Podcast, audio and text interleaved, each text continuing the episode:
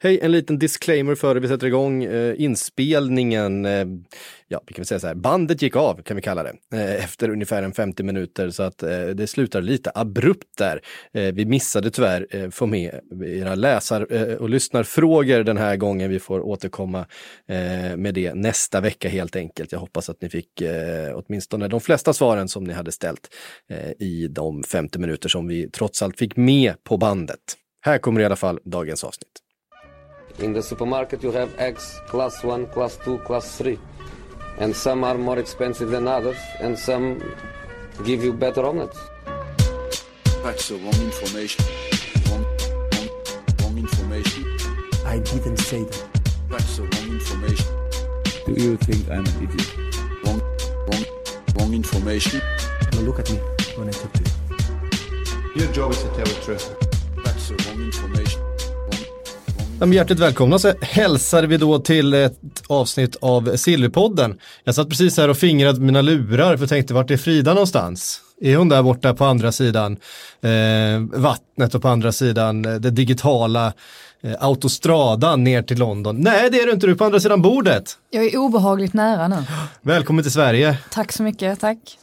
Makoto, du har ju varit i Sverige hela tiden, men det är inte alltid vi ses för det. Nej, precis. Men vi har ändå vant oss de senaste veckorna att sitta mitt emot varandra. Men det här känns ju mysigt. Och att vi hamnade, att jag har fått Kalles uppgraderade plats Ja, nu också. Så att vi sitter, vi sitter verkligen mitt emot och, och råstirrar på varandra. Ja. Det är nästan, känns nästan lite konstigt. Jag, jag vågade ju inte ta den där Kalle-stolen efter fadäsen jag tog den senast någon gång så att det, det känns Nej, han, han är väldigt noga med sina platser just. Så är det ju. Man, ja, alltså det, det får inte vara för stora förändringar i, i studion när, när Kalle är med, det är bara så.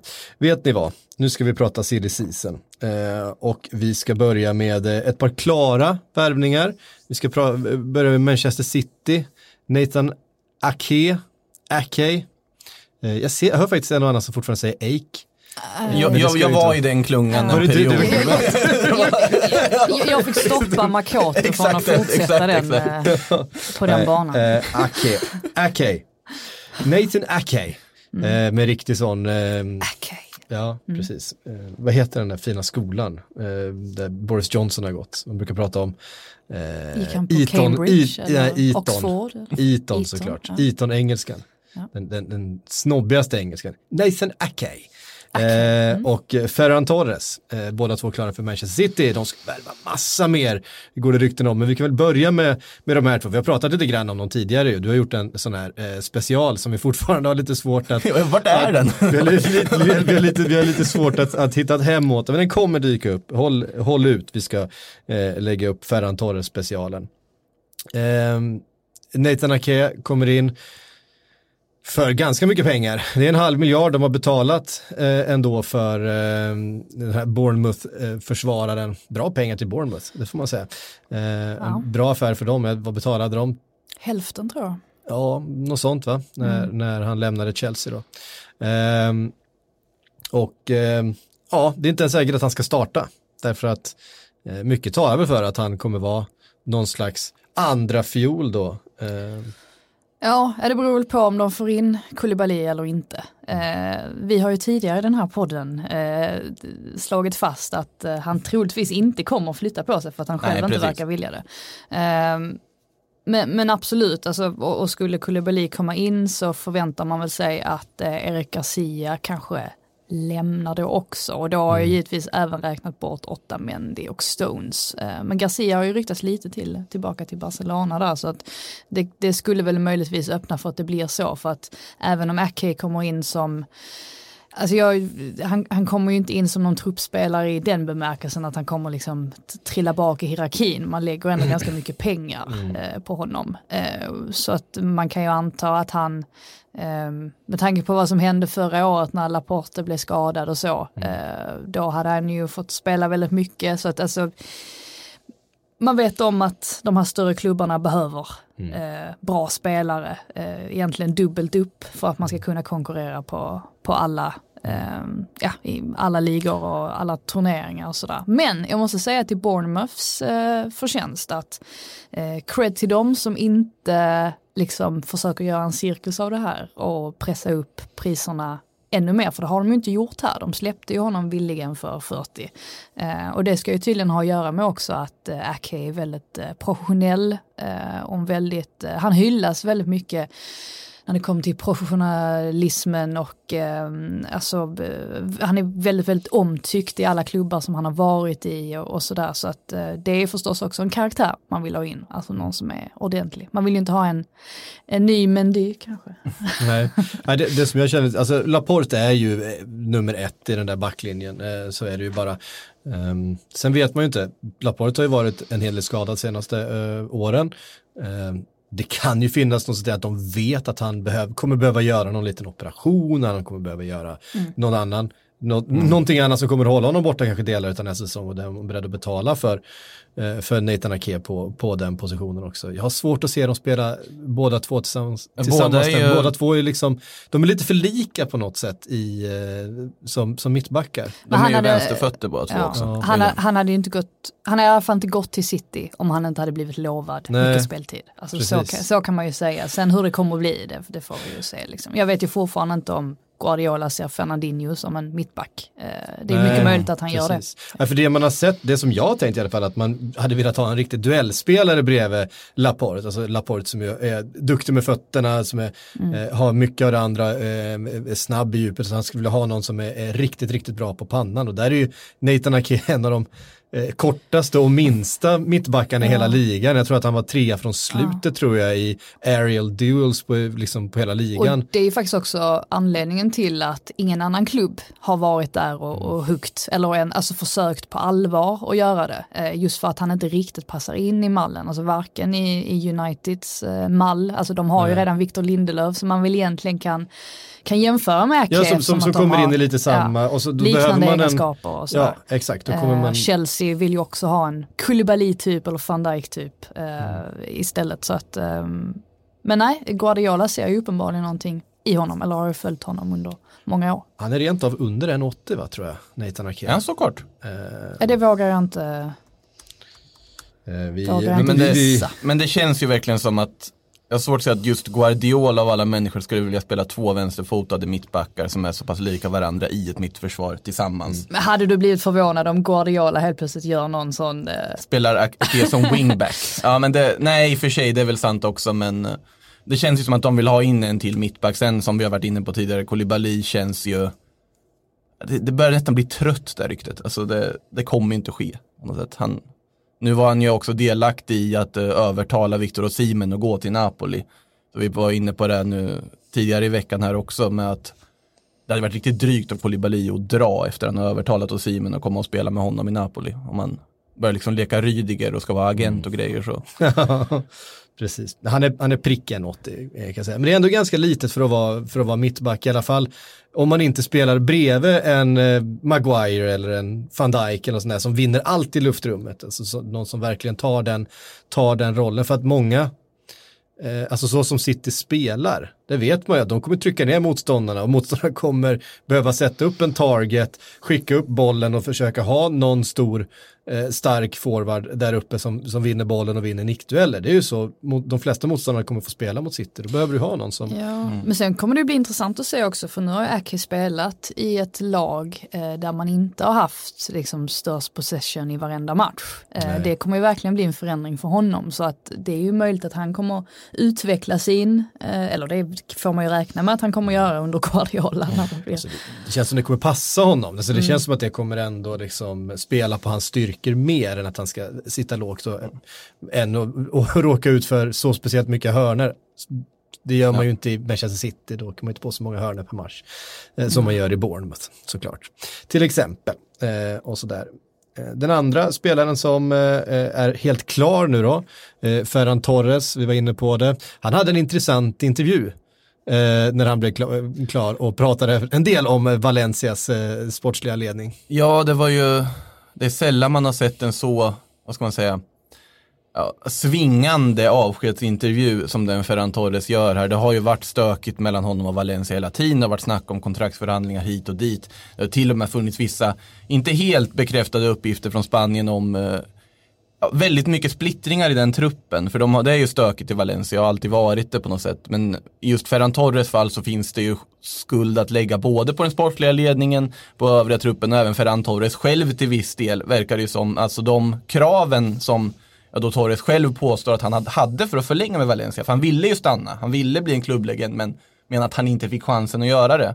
Så bland de kraven var att han skulle bli lagkapten som 20 år gammal, likt Fernando Torres blev i Atletico Madrid. Men då ska man jämföra att Fernando Torres tog ju upp dem från segundan och har gjort, haft en helt annan impact än vad Ferran Torres hunnit göra. Han ville ha med Peter Lim i förhandlingarna för att, vi, för att han skulle få känna sig viktig och en stor del av framtiden. Och ja, det var det var under, men de kom ju inte överens och han skickade även en känga till Parejo, lagkaptenen, och sa att han var en dålig lagkapten. Han hade inte pratat med honom eller hade någon kontakt med han. Och det har ju funnits uppgifter om bråk som sagt där det var nära handgemäng med eh, Kondogbia efter någon match också och splittringar mellan den unga delen av truppen och den äldre gardet i Valencia. Så att det är ju någon sorts surt avsked till en av klubbens absolut största talanger man fått fram under de senaste ja, 10-20 åren åtminstone. Och nu ska han till gemytliga Manchester.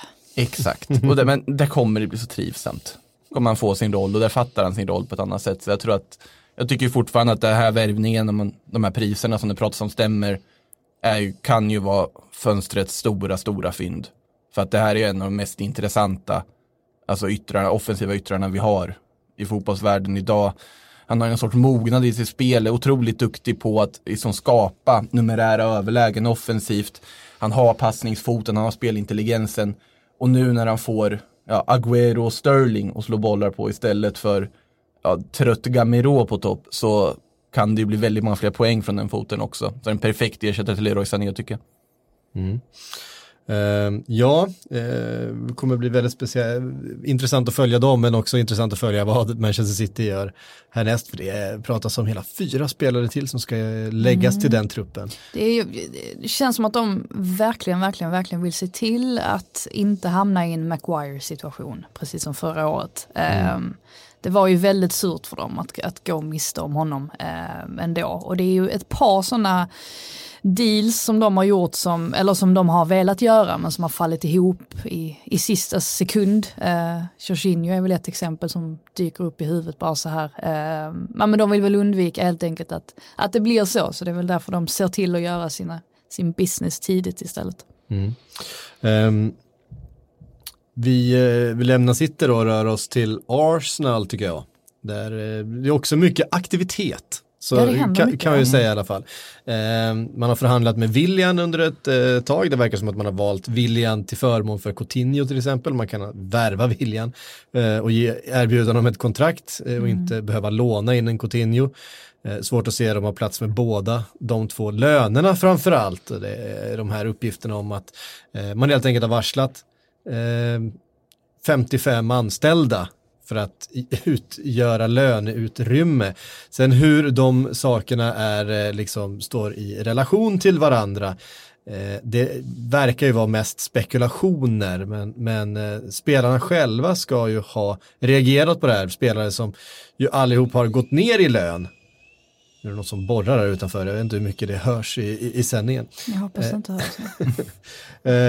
ja. Med spelare som, som har gått ner i lön på grund av covid, på grund av de minskade in, intäkterna eh, för att eh, inte eh, anställda ska behöva permitteras eh, eller få sparken. Nu eh, verkar det som att Arsenal ändå planerar att göra sig av med 55 anställda för att frigöra löneutrymme.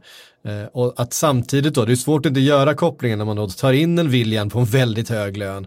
Ehm, och så blir ju alltid då parallellen till, eh, till Özil dragen eftersom han sitter på monsterlön fortfarande. Kan inte han hjälpa att han sitter på monsterlön? Nej, det kan eh, jag faktiskt inte. så det är lite, det är lite orättvist att, att attackera honom, men däremot så kan man väl mm. säga eh, så, dels då om Arsenal spelar, om det faktiskt stämmer att de eh, själva har på något sätt hört av sig till den sportsliga ledningen så eh, hedrar ju det dem. Mm. Eh, verkligen. Absolut, alltså det ser inte snyggt ut, så är det ju. Och det är ju många av de egna supportrarna som eh, också tycker att detta är förkastligt, att klubben gör på det här sättet. Samtidigt så är det ju ett företag som ska vara vinstdrivande. Ehm, och så här ser det ju ut i många, så här ser det ju ut på Aftonbladet ibland. Att helt plötsligt får en massa människor gå. Eh, de som, eh, om man då ska jämföra med spelarna och deras löner så kanske det är de eh, absolut eh, viktigaste personerna och skribenterna som Aftonbladet har som blir kvar. Eh, som, som inte är de som får gå och lämna. Det, det är ju så här det fungerar när man inte har 51%-regeln. så, mycket kan man, så mycket kan man säga. Sen hade det kanske skett ändå, vem vet. Alltså ibland är det ju så att vissa klubbar får permittera. Men det blir lite orättvist att ge sig på spelarna. De sitter ju med det, sina kontrakt, kontrakt. Alltså vad ska, de, vad ska de göra? Samtidigt så är det en fin gest av dem att de faktiskt eh, visar att de bryr sig eh, genom att uttrycka sin miss, eh, vad säger man? missbelåtenhet över det här. Eh, Men det är ju såklart, det är, det är jättetrist, framförallt för de 55 personerna som står utan jobb. Eh, Det är ju inte så kul, särskilt inte i de här tiderna när det är ganska svårt att hitta någonting annat. Mm. Ja, ehm, rent sportsligt så känns ju eh, William absolut som, ett, eh, som en jättebra värvning för, för Arsenal tycker jag. Han har, har mycket kvalitet i sig fortfarande, han har mycket, och bara det att han inte kostar någon, någon övergångssumma eh, är ju helt i linje med, med Arsenals situation. Så som han har spelat den här säsongen så är det ju en, en jättebra värvning. Det är ju egentligen bara åldern som är ett frågetecken. I övrigt så känns det nästan som att han blir alltså, bättre och bättre. han håller sig i alla fall på samma, samma nivå. Ehm, så att jag, jag tycker absolut att det är en- vore en bra värvning. Eh, lite intresserad av att veta hur, hur de kommer spela dock. Alltså om det blir så att Lacazette out eller? Ja, för jag tänker mig att Aubameyang kanske äntligen får flytta in då centralt. Ehm, om William kommer till, för att man ska ju få plats med, eh, med Peppe och sådär också. Eh, och honom vill man väl ha på högerkanten så att han viker in. Det vill man ju sannolikt ha. Alltså sportsligt kan jag väl tycka William, ja det är en bra spelare. Sen, nu vet jag inte vilken kontraktslängd det pratas om här. För det är väl också, finns väl en aspekt här, Chelsea vill väl inte erbjuda så långt kontrakt som William kanske själv vill ha medan Arsenal är lite mer angelägna eller det får ju nästan bli tre år, minst tycker man ju, eller? Ja, Med tanke på om man ska gå med i på, Chelsea annars. Precis, om man ska gå med på den flytten.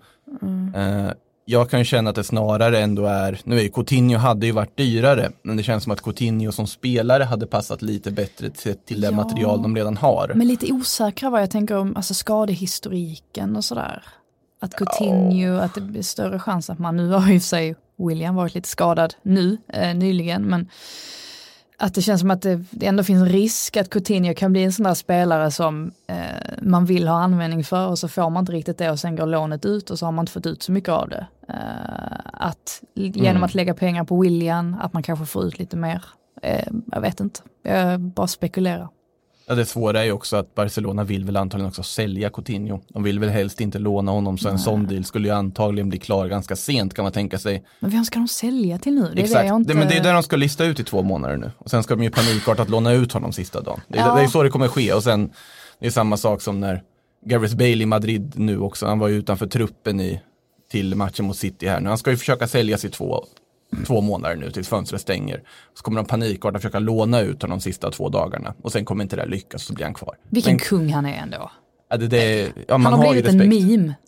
Ja men han har ju blivit en meme. Det, det har han ju. Så att det, det är ju respekt. Men det är ju så att när du sitter på sådana tunga löneposter att de kommer ju, det kommer dröja innan de där affärerna blir klara för de kommer ju försöka sälja. I Williams fall så är det ju, han är ju en fri transfer. Det är mycket enklare att få in på alla sätt och vis. Sen kan man ställa sig frågan till, är det verkligen det Arsenal ska ta in när de ska bygga nytt och skapa något nytt under Arteta, men för ett antal säsonger nu framåt så absolut, det är ett jättebra truppkomplement skulle jag säga åtminstone. Sen kanske inte ett lag som spelare som ska bära hela offensiven, för då känns det lite, Pratar du om William nu? nu pratar jag om William. Ja, för, som sagt, han har ju varit en av Chelseas absolut bästa spelare.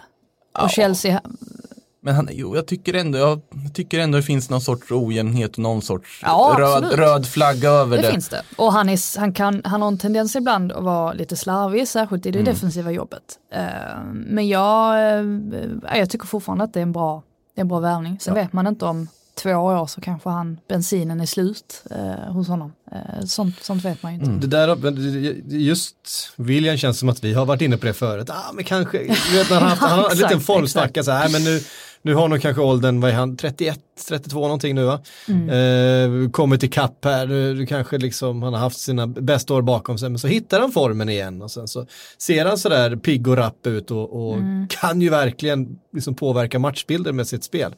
Ehm, Mm. Så att, ja, jag tycker det är väldigt spännande för, eh, för Arsenal och eh, någonting som de behöver. Visst, de har mycket offensiv, offensiv talanger i laget, men det räcker ju inte framförallt om vi nu ska börja prata fem avbytare per match och sådana här saker, att eh, de andra kommer ju spela med fräschare spelare om man inte det, man måste ju ha en, en bänk för fem avbytare i sådana fall som är tillräckligt bra. Eh, det kommer väl tyvärr bli en ännu större skillnad mellan stor, stora och små klubbar i och med den förändringen. Eh, och att de här stora Ja. klubbarna på, på något sätt måste, måste skaffa sig större trupper än vad de har behövt tidigare. De har Om ju vi- möjlighet att göra det. Precis, och om vi tänker på deras försvar egentligen, alltså jag vet att man alltid bara drar slutsatsen att det är ett katastrofförsvar Arsenal har. Eh, ytterbacksmässigt, ja, Beirin har ju inte tagit jättestora kliv framåt. Men han är en fin kille han, ändå. Så att, Han är jättefin. vi skulle, gillar aldrig, skulle aldrig säga ett ont ord egentligen om honom. Eh, och han har faktiskt blivit, det får man ge honom, de sista matcherna på säsongen nu så såg det betydligt bättre ut. Han låg ju bakom också eh, 2-1 målet här i finalen. Alltså, eh, och samarbetet med PP har blivit bättre och bättre också. Och han, det märks att han han jobbar ju alltid så jäkla hårt, alltså 90 plus minuter. Så det, där kan man ändå liksom känna att ja, men högerbacken är väl ganska, alltså relativt Ja men där finns det ju eh, andra aspekter ändå. också. att Beijerin är ju också en röst som Ja, behövs precis, i det han är här. Arsenal. Han är ju en ledargestalt som be- verkligen behövs, som verkligen brinner för Arsenal också. Och sen på andra kanten så har vi Teni som bara blir bättre och bättre. Eh, och verkar verkligen ha, det kanske var lite att han hade svårt att acklimatisera sig också i början. Alltså det är en ganska stor flytt och stor omställning sådär. Men han blir ju bara bättre och bättre. Så att Mm. ytterbackspositionerna känns ju rätt okej. Och då kollar man Tierney ju känns på... det som att vi inte har fått se riktigt på riktigt än. Alltså, så Nej och då har han ändå varit bra nu. Ja, ja, alltså väldigt, precis. väldigt bra. Men Eh, tänker vi honom före Bukayo Saka? Ja, Ja, det gör vi på den positionen. Jag tycker ändå Saka är... Ja, fast det är, det är inte Sakas riktiga vara. position. Nej, han han ska högre upp i planen. Han ska ju vara ytter. Ja. Eh, alternativt om de kör med trebackslinje. Jag tyckte det funkar hyfsat bra ändå med Tierney som en extra tre. Alltså hellre hon, honom framför Kolasinac alla dagar i veckan Ja, som ja, en ja, tredje ja. mittback. Idag ja, absolut. Sen är det ju, alltså Mustafi har ju faktiskt varit riktigt, alltså han har ju varit riktigt bra. Sen är det klart att han har ju tendens att göra de här liksom grejerna som han gjorde mot Tottenham och Mm. något tillfälle mot City också. Och Luis har sina eh, bekymmer. Eh, men det, det hade ju räckt att få in en till riktigt bra mittback. Ja. Då hade ju, det hade blivit en liten van Dijk effekt tror jag. Att, Precis, men Mustafi är ju lite såhär Lovren. Ja, visst är han Eh, det. eh, men sådär, men är, är ju en, en back med hög högsta nivå. Men, men kan inte leda liksom en backlinje själv. Alltså han, han kan inte vara den, den stora tryggheten. Men bredvid en klassback så höjer han också sin lägsta nivå Mm. och kan bli, så det, när van Dijk in vad som hände med Lovren, han hade ju liksom perioder då han var, där han såg ut att vara lika bra som van Dijk, eh, vilket han ju såklart inte är. Eh, och framförallt är han ju inte det om han spelar med en sämre mittback bredvid sig. Men jag, jag får lite den känslan med Mustafi också, men en riktigt bra mittback så skulle han också kunna eh, hålla den här, och så spelar han istället då med David Luiz och då vet man ju aldrig vad man får. Eh, han sprider liksom osäkerhet omkring sig och det påverkar ju en sån här spelare som Mustafi som är, har lite långt kanske mellan sin högsta och sin lägsta nivå. De får hoppas enkelt. att eh, Saliba eller Mavropanos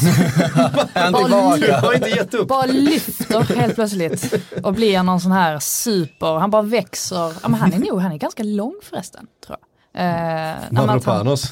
jag tror han känns lång. Han känns Rob som en lång- Holding? Nej, det, ja. Du, du ser inte den potentialen där?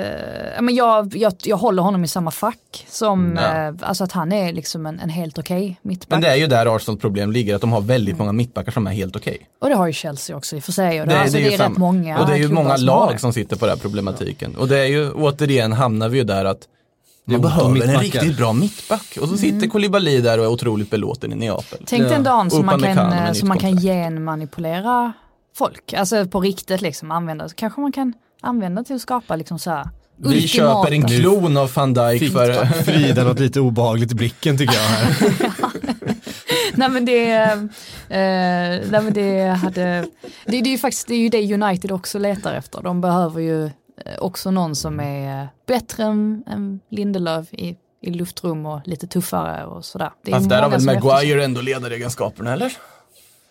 Ledaregenskaper, ja men ledaregenskaper för mig är, det är ju en separat grej. Det kan du ju Ja, ha men även alltså om du är 1,60. försvarsledaregenskaper, alltså att kunna hålla ihop ett försvar, det tycker jag väl ändå att Maguire har någon form av. Jo, men, men anledningen till att många är så på Lindelöf är ju för att han inte är jättebra i, i luftrummet och, och att Mm. han kanske inte är tillräckligt tuff som till exempel när Giroud får göra det här målet i, nu i FA-cupen till exempel. Alltså det är ju de egenskaperna han inte har. Så att det är ju det United är ute efter. Annars är det ju helt meningslöst för dem att leta efter en ny mittback. För. Ja, så är det ju. Lindelöf är ju en bra mittback, men han är ju inte, han är inte en av de bästa. Ja, nej. Ehm, Olair blir uppgraderad eh, på, eh, utav United-ledningen. Fast Eh, vem då? Det är där, det är där man hamnar liksom, vem är det de ska värva in? För vi kan inte sitta och dra, Koulibaly! vi kan inte dra Koulibaly till alla klubbar. Och Upamecano skriver på nytt med Leipzig. Om vi ska ta en, ett namn som jag Colin tycker skulle... Thiago Silva på ett korttidskontrakt. United?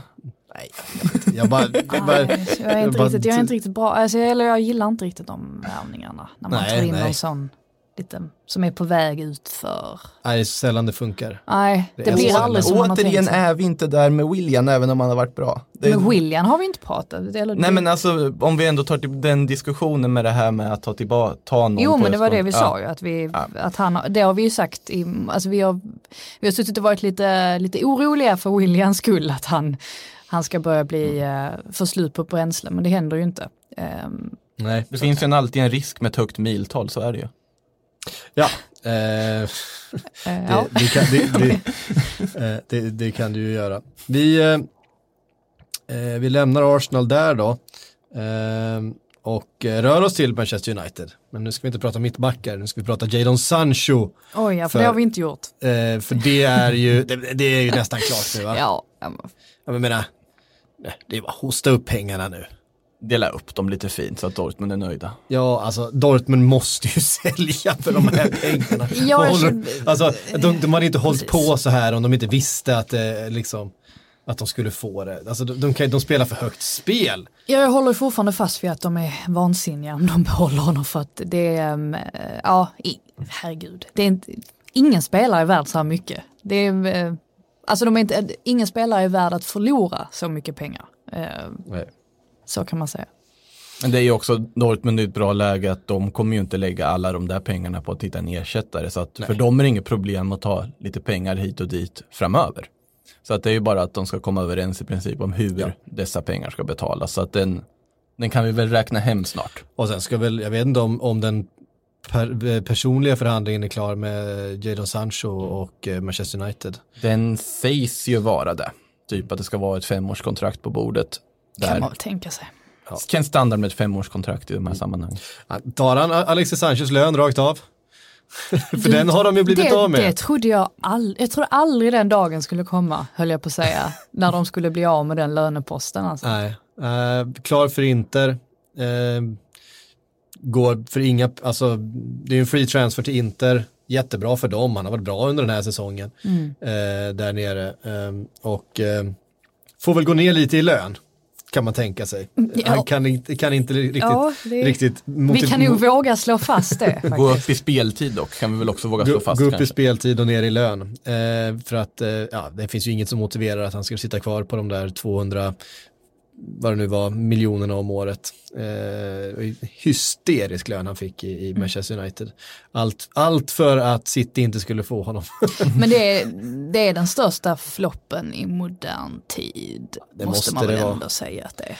ja, han gick ju från att vara ligans bästa spelare bara ett par månader innan. Ja, om man tänker löne, lönemässigt Fick och... den, fick den högsta, högsta lönen som någon har haft i, i, i Premier League. Mm. Eh, och den hypen och, eh, och sen har han ju in, inte gjort någonting för Manchester United.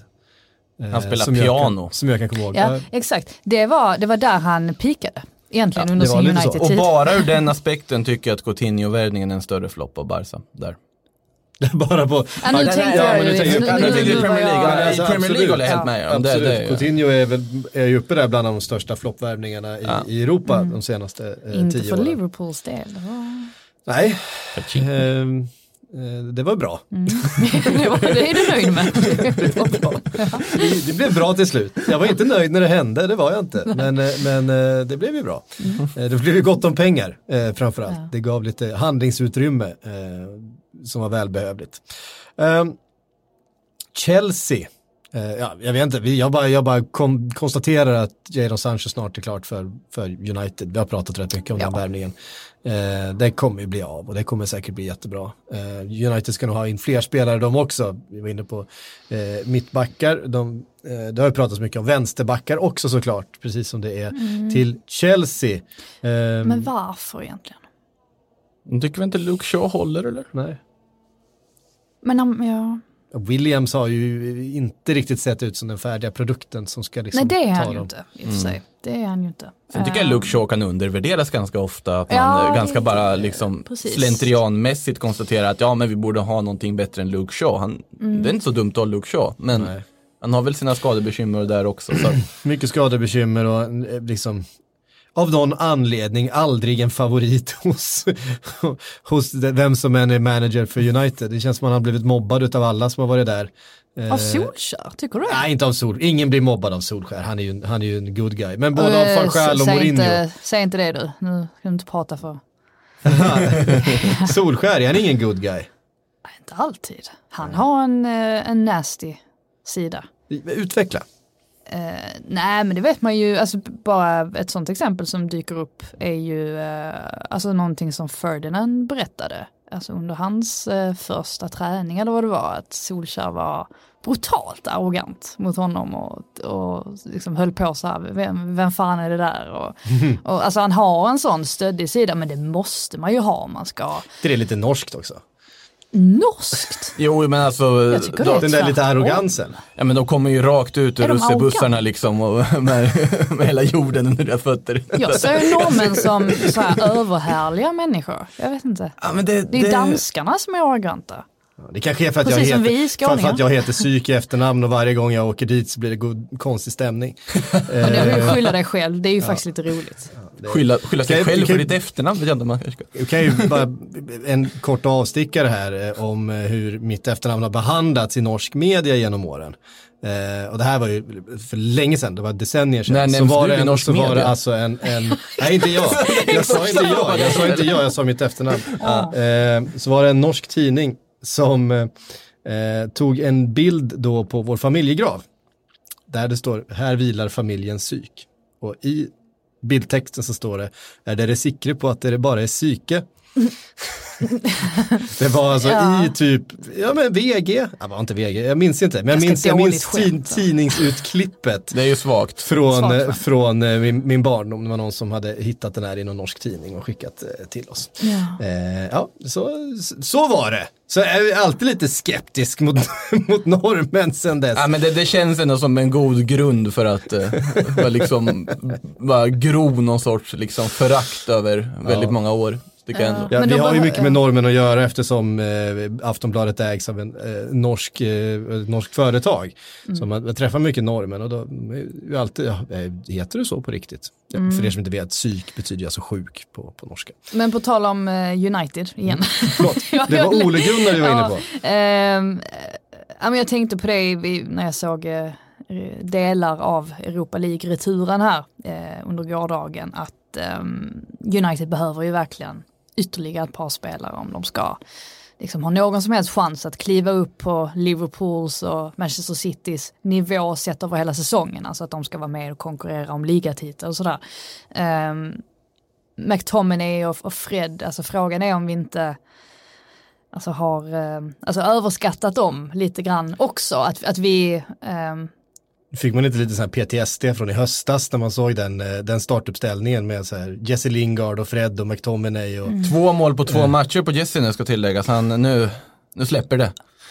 Ja, absolut. Ja, men det, det, tanken slog, eller man förstod, eh, man blev påminn i alla fall om att eh, det behövs ju faktiskt eh, ytterligare ett par spelare för att de ska, de, de har en bra ordinarie startelva nu, men för att de ska liksom kunna hänga med där uppe så behövs det verkligen tre, fyra ytterligare värvningar för att de, de räcker ju inte och alltså Pereira har jag gett upp för länge sedan och alltså Daniel James blir ju, se, alltså han blir kanske inte sämre och sämre men jag tror att man hade så låga förväntningar på honom inledningsvis och så gjorde han det hyfsat bra och sen har han liksom inte riktigt tagit fler kliv så att man har räknat bort honom lite grann. Det är en konstig situation för honom också att han kommer in och är så pass viktig som han är i början och sen på något sätt bara ja, inte är så viktig någon mer. Det, det blir ju, det är ju en svår liksom, det är någonting han måste hantera och komma över nästa tröskel men jag kan förstå att det finns en formdipp på att Men han är nog inte bättre kanske. Alltså det kanske är så enkelt att han, han är liksom lite begränsad som spelare. Ehm, och när Mason då har gjort det så bra på till höger så har det inte funnits någon anledning för Solskär Mm. att, att peta honom. Um, så att, um, ja, vi får väl se. De har väl säkert mycket annat spännande i sin akademi också som förhoppningsvis kan få lite chanser. Så är det, eh, definitivt. Ehm, Life is made up of many gorgeous moments. Cherish them all, big and small, with Blue Nile. Whether it's for yourself or a loved one, Blue Nile's unrivaled selection of expertly crafted fine jewelry and statement pieces help make all your moments sparkle. Blue Nile's experts are on hand to guide you, and their diamond guarantee ensures you get the highest quality at the best price. Celebrate a life well lived in the most radiant way and save up to 30% at BlueNile.com. That's BlueNile.com. vänsterbackar, jag försökte göra en, eh, en, en segway till, Oj, Che- förlåt. till, Chelsea där sen, för tio sen minuter sedan. hamnar vi i Norge. Sen började, jag prata, sen började jag prata om min relation till Norge och där, där spårade jag ur någonstans. Eh, för jag ville prata om Chelsea och eh, deras jakt på vänsterbackar. Eh, Mm. Var hittar vi en vänsterback Makoto? Den, den där jakten verkar ju ha tagit någon sorts eh, positiv riktning skulle jag säga åtminstone på att det pratas om Sergio Reguilon. Precis. Eh, som även, du skulle, skulle själv få ta dig ner till Real Madrid. ja, vet, det, det kan jag göra utan en segway ganska ofta. Den här dock. segwen har ni övat in, hör jag. Nej, jag, Nej, faktiskt inte. Den, det, det finns en symbios här ändå. Eh, vi funkar bättre än Psyko Norge gör. Men eh, Re- Reguilon i alla fall, Everton har det pratats om där också bland annat. Han har ju varit i Sevilla på lån från Real Madrid under den här säsongen och faktiskt varit helt strålande i Sevilla av eh, många ansedd som eh, ja, säsongens bästa vänsterback i La Liga. Eh, men däremot i Real Madrid finns ju Ferland Mendy som har varit fruktansvärt bra och det finns en Marcello. För det finns ju inte riktigt någon plats för Sergio Reguilon. Och då har det pratats om att man då ska sälja och att det kanske inte krävs så mycket pengar för att Real Madrid behöver pengar efter, eh, precis som alla andra klubbar då efter covid-situationen. Och då har Chelsea fått upp ögonen för honom enligt ja, uppgifter. Och det känns ju som en helt perfekt värvning för att han skulle ju kosta typ, om man ska tro de priserna det pratas om, typ en fjärdedel av vad Leicester kräver för Chilwell. Han har egentligen, om man ser till senaste säsongen, levererat mer än vad Chilwell har gjort. Han funkar både i en fembacks som en wingback, han funkar i en fyrbacks, vilket han visat i både Sevilla och Real Madrid. Jag säger ju bara att det här är ju en no-brainer. Om de lyckas med, som vänster. Sen vet man ju inte hur han skulle funka i Premier League. Men jag tycker ändå att han har visat att han ändå har defensiva egenskaper och sånt som gör att han skulle nog kunna funka. Han är ju en mer snabb, löpande typ än vad till exempel Marcos Alonso kanske är. Som är mer, ja, som mer liksom förlitar sig på sin fina passningsfot och så vidare. Men Reguilon är ju en, det är en speedkula. Han kommer vara där framme i offensivt straffområde och peta och han kommer vara där bak också. Det kan ju gå käpprätt åt helvete också. Det ja, kan, precis. för- kan det- du lova att det inte blir en Emerson, Cancelo liksom situation? Jag, jag skulle säga att en bättre fotbollsspelare än vad Emerson är. Eh, men samtidigt så har man ju sett spelare förr som går till Premier League och det visar sig inte alls fungera, även om det är en duktig spelare. Men jag tycker att i det här läget med tanke på att du har lagt så mycket pengar på annat och så vidare så att istället för att punga ut 80 miljoner på Chilwell när du direkt inte har något problem med homegrown players i den klubben. Så jag tycker det är en kanonalternativ, ung dessutom och utvecklingsbar så att säga. Det Eh, låter ju perfekt. ja, låter Kör på det Chelsea. Ja, Ni har, jag ni har det. fått vår, vårt godkännande. Två tummar upp. Ja. Eh, också Real Madrid, Kubo. Eh, Min din, landsman. Din, eh, din favoritspelare i hela världen. Ja, det, det är ju faktiskt det. Typ. Men han, Nästan. spelar i, han, han, nobbade Barca, gick till Real Madrid och han är från Japan. Och orsakade Barcelona transferförbud på att de värvade honom innan han var 18. Ja, precis. Han har Eh. alla rätt hos eh, Makoto. På väg till Villarreal. Han, är ju han har ju varit strålande i Mallorca där han var på lån då. Eh, började väl lite sådär trevande i ett Mallorca som kanske inte riktigt passade honom med hans spelstil. Sen kom han igång och var i princip deras enda kreativa kraft på mittfältet. Även om det inte räckte till att klara kontraktet Och Nu har ju i princip varenda La Liga-klubb kopplat samman med honom för att han ska lånas ut igen. Real Madrid vill behålla honom i Spanien för att därefter då sikta på att låta honom ta en av de här icke-tre eller tre icke-EU-platserna som finns i truppen. Han är ju, ja förklarliga skäl som han är japan så har han ju inget EU-pass. Och dessutom kan jag från egen erfarenhet också nämna att han kan ju inte heller få ett spanskt pass efter han har fyllt 22.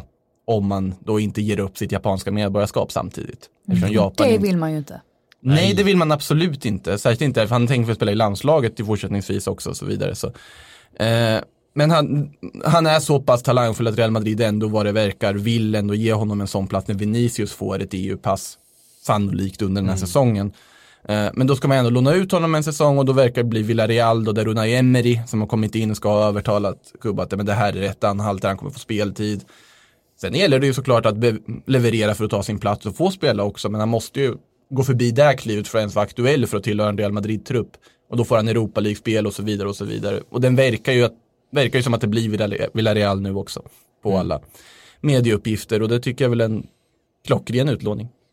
Ja, Positiv jag är, vad håller jag på med? ja. Nej, det, ja, ja. det är bedrövligt. Ja, det är fruktansvärt. Eh, ja, men då får du komma med ett utlåtande om Romas nya ägare. För de eh, blev nämligen presenterade i, eh, igår kväll, något sånt där. Ja, Ja, det har varit, på, det har varit eh, på gång ganska länge men nu är det i alla fall klart att Friedkin Group, eh, som, en ny grupp jänkare. en ny grupp jänkare, det är någon, någon riskkapitalist från eh, Houston tror jag, Texas. Jag har väldigt dåliga minnen av eh, Texasbor eh, som fotbollsklubbsägare. Eh, Hicks och Gillette som ägde Liverpool före, före Fenway. Eh, Sports Group eh, köpte dem. Eh, men Friedkin Group har tagit över Roma. Det är ju inget nytt med amerikanska ägare i Roma, det har de haft ganska länge. Men här är ett nytt gäng som vi inte vet så mycket om. Inte Alltså- jag i alla fall. Ja, det här kan låta stereotypiskt, men när du säger liksom att det är ägare från Houston så får jag en bild av det här Seinfeld-avsnittet när George Costanza träffar ett gäng Houston Astros-ägare och är ute och dricker öl. Eh, Jag har aldrig sett Seinfeld.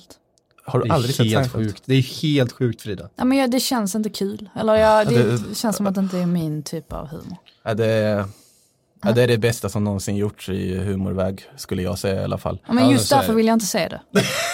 Nej men för, inte, för, inte för att du säger det, men för att alla säger det. Ja, men det kan jag köpa att det, det känns överhypat på Ja. att alla hela tiden tjatar. Men det där är, Så fort, eh, om jag hittar någonting, så fort alla andra börjar bli intresserade av det så släpper jag det. Direkt. en sån här hipster. ja. Ja, det är en kompis en gång Men som åter till fotbollen. Ja, ja, vi, vi, vi skiter i den, den, den anekdoten. Uh, Friedkin Group, alltså man, jag kan väl varken säga positivt eller negativt om dem. Det enda man kan säga är väl att det har inte varit helt smärtfritt i Roma med Palotta där nu, åtminstone den sista tiden. Det har varit ganska, man har varit ganska oense om vilka typer av spelare man ska värva, vilken väg klubben ska gå och så vidare. Och man är ju ett visst vägskäl också. Fonsecas första säsong är ganska svårdefinierad. Det var vi inne på här i Serie A-specialen vi körde för två dagar sedan här i Siljepodden också. Att eh, ja, men alltså man borde ju som Roma, Romas ambitioner borde ju alltid vara att ta en Champions League-plats. Och slåss med Inter, Napoli, Milan, ja, Lazio och Atalanta. Men nu är man ju, man var ju i princip aldrig nära att ta den den här säsongen. Men samtidigt så har det ändå sett helt okej ut med Fonseca och börja få lite fason på det.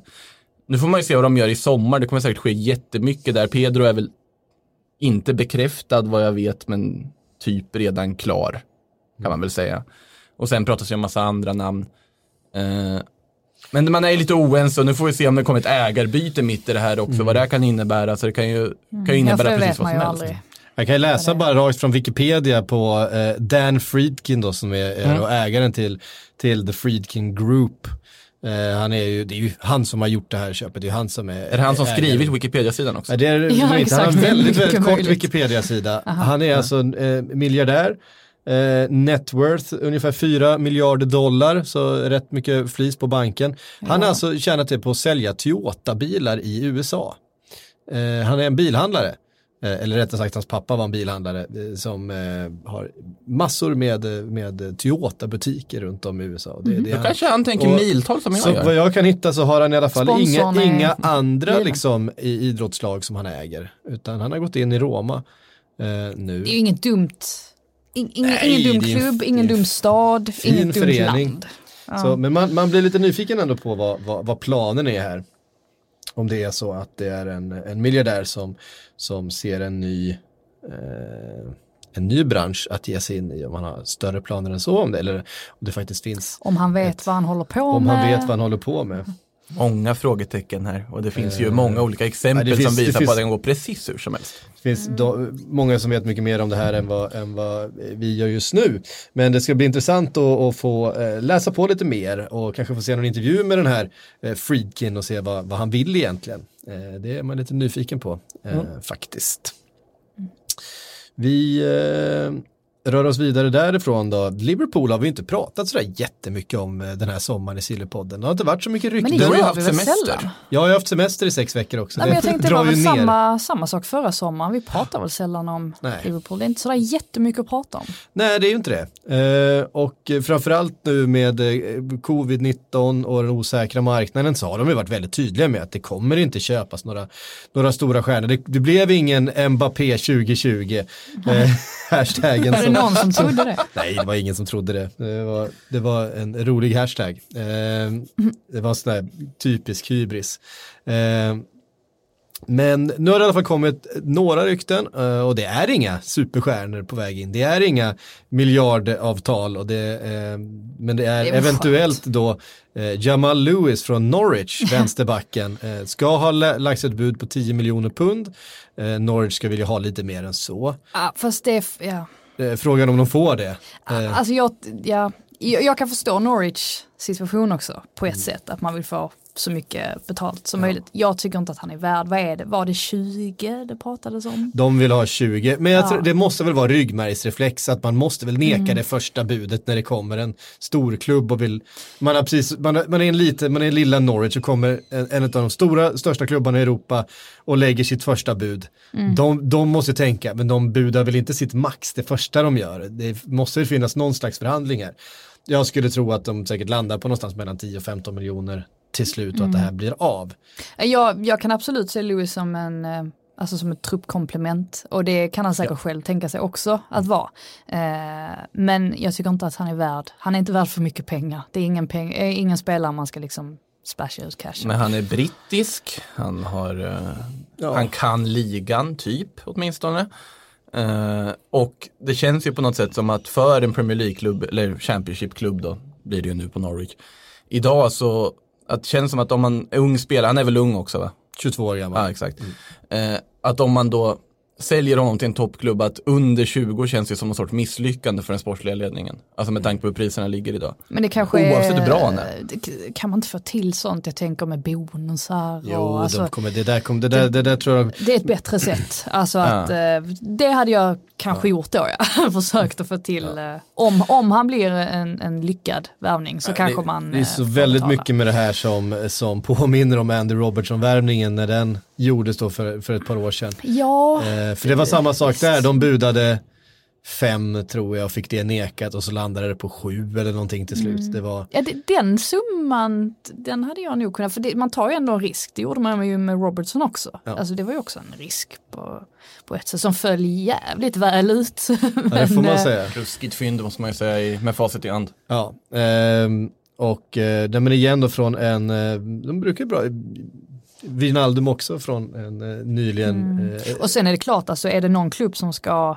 eh, lyfta en sån spelare som Lewis, då är det väl kanske Klopp och, Och det Liverpool. här, det här är ju liksom eh, det andra, andra namnet som har nämnts de senaste dagarna är Ismail Azar från eh, Watford. Och det, det är verkligen så här det är så jävla logiskt att det är de här namnen för att det är bara att titta på hur hur Michael Edwards och transferkommittén och hur FSG har byggt upp den här verksamheten. De, de, de köper det de tycker är undervärderade spelare på marknaden. De köper aldrig någonting som de tycker är övervärderat eller har för hög lön och så vidare. Och Sarr tycker jag, där har de ju rätt. För att han är ju en sån man måste coacha.